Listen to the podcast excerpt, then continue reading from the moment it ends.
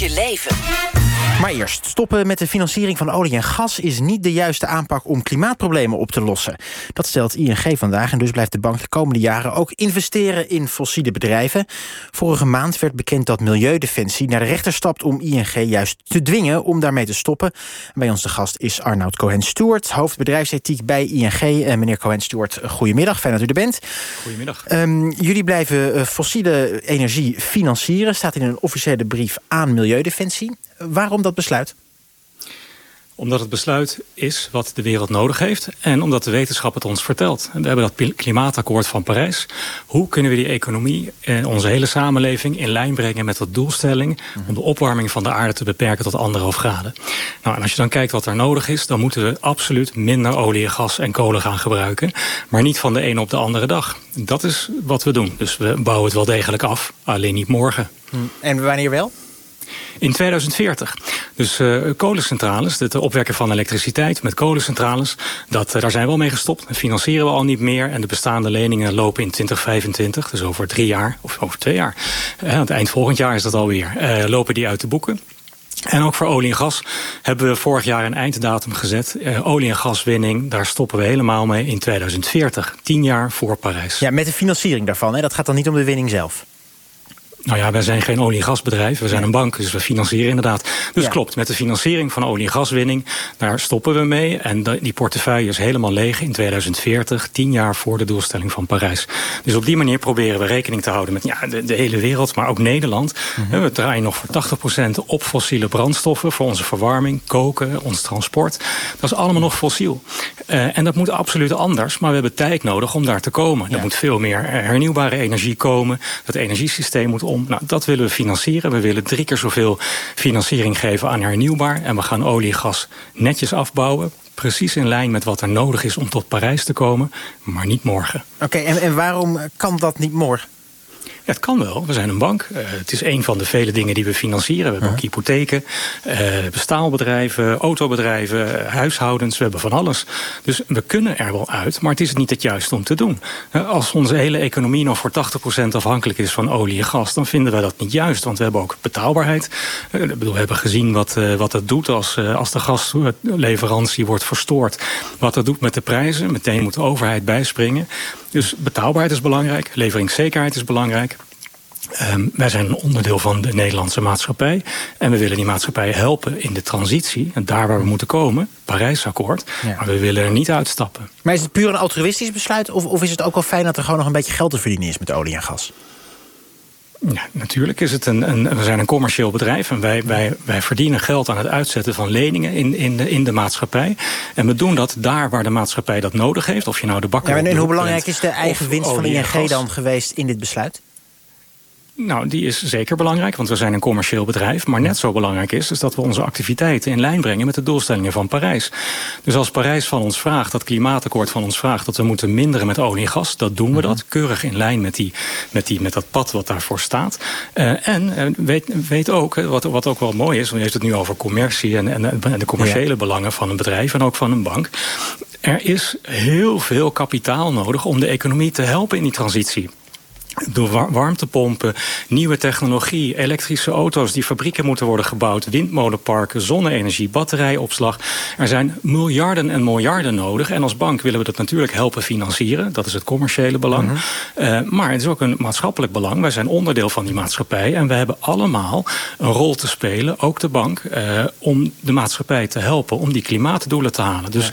als het gaat om energieproductie, dan moeten we echt afscheid nemen van olie en gas. Alleen niet van de, vandaag op morgen maar voor 2050, zoals Parijs dat vraagt.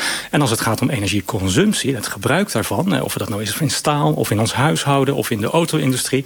ja, daar moeten we goede technologieën gebruiken die die uitstoot verminderen. Ja. En die willen we graag helpen financieren. Nou liggen jullie dus in de clinch met Milieudefensie... want zij dreigen met een rechtszaak tegen jullie. We hebben ook even contact gehad vandaag met Peer de Rijk. Hij is campaigner bij Milieudefensie en hij zei dit.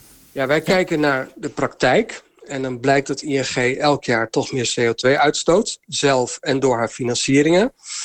Um, en dan, dan blijft natuurlijk de vraag hangen: hoe kan het nou dat ING zegt klimaatwetenschap en Parijs serieus te nemen, maar toch elk jaar meer CO2 uitstoten? Ja, elk jaar meer CO2 uitstoot met dank aan ING. Dat vind ik eigenlijk wel een goede vraag van Pierre de Rijk. Ja, en ik leg hem graag uit. Dat is een goede vraag en ik leg hem graag uit. Er zijn twee antwoorden.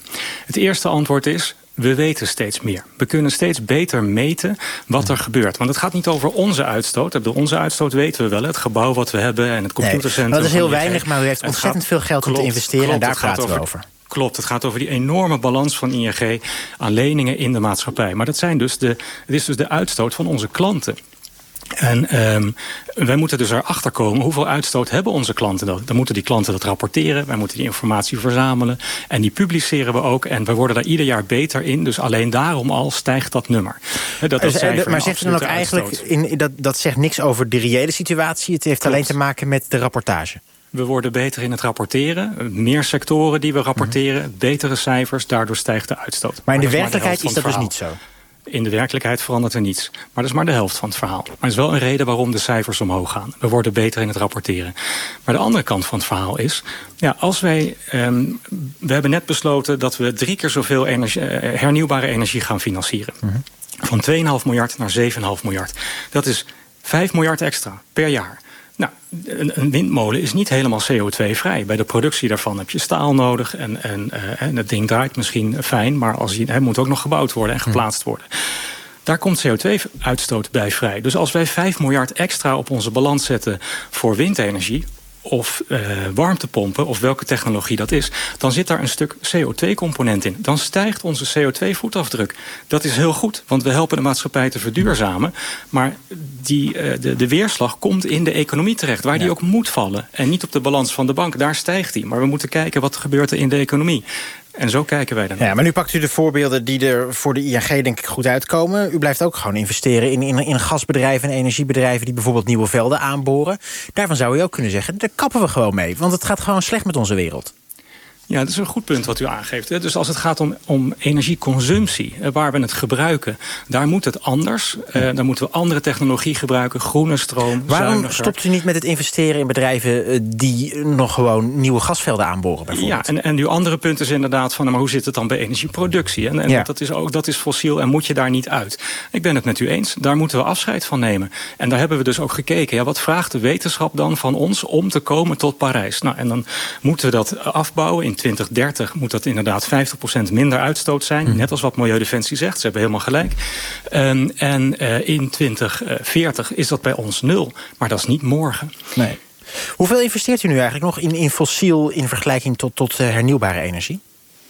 Poeh, uh, grofweg, en ik heb de cijfers niet helemaal paraat... maar we gaan ze binnenkort weer publiceren.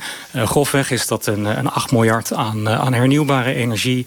en een, en een 15, 17 miljard aan, aan olie- en gaswinning. Dus aanzienlijk meer nog in de, in de fossiele energie? Zeker, maar als we dan ons beseffen dat we inderdaad 80% en in Nederland zelfs nog veel meer van alle energie fossiel is, is dat een, nou, een gunstige uh, afspiegeling ten opzichte van de maatschappij. Wij financieren de economie en we lopen aan de voorkant van vergroening ja. en verduurzaming, maar we zijn natuurlijk ook een weerspiegeling van die maatschappij. Ja, maar... we financieren meer uh, wat nog niet groen is dan wat groen is. Dat maar, klopt. Maar is een weerspiegeling, is dat voldoende? Want bedoel, u investeert niet in de economie van gisteren, niet in de economie van vandaag, maar waar u geld in investeert, dat wordt de economie van over tien jaar. Dus moet u niet al veel verder vooruitlopen ten opzichte van de rest van de economie? We moeten vooral in lijn blijven met die doelen van Parijs. En die doelen van Parijs die balanceren twee belangen. Um, die balanceren het belang dat er vandaag behoefte is aan energie... voor onze voedsel, voor transport, uh, om te kunnen koken, te verwarmen. Uh, en met de noodzaak om het klimaat uh, te beperken tot anderhalf graden. Want we warmen langzaam, warmt de aarde op. Nou, die twee belangen moeten we in de gaten houden. En we kunnen niet zeggen van nou, we gaan ongelimiteerd door... want dan komt het klimaatdoel in, in, de, in de klem. We kunnen ook niet zeggen we stoppen van vandaag op morgen... want dan hebben we hele andere problemen in de wereld. Nou, en die balans, daar hebben wetenschappers scenario's voor geschreven. Wat is dan de juiste balans daarin. En die balans volgen wij. Oké. Ik dank u voor dit moment. Arnoud Cohen-Stewart, hoofd bedrijfsethiek bij ING. Hartelijk dank.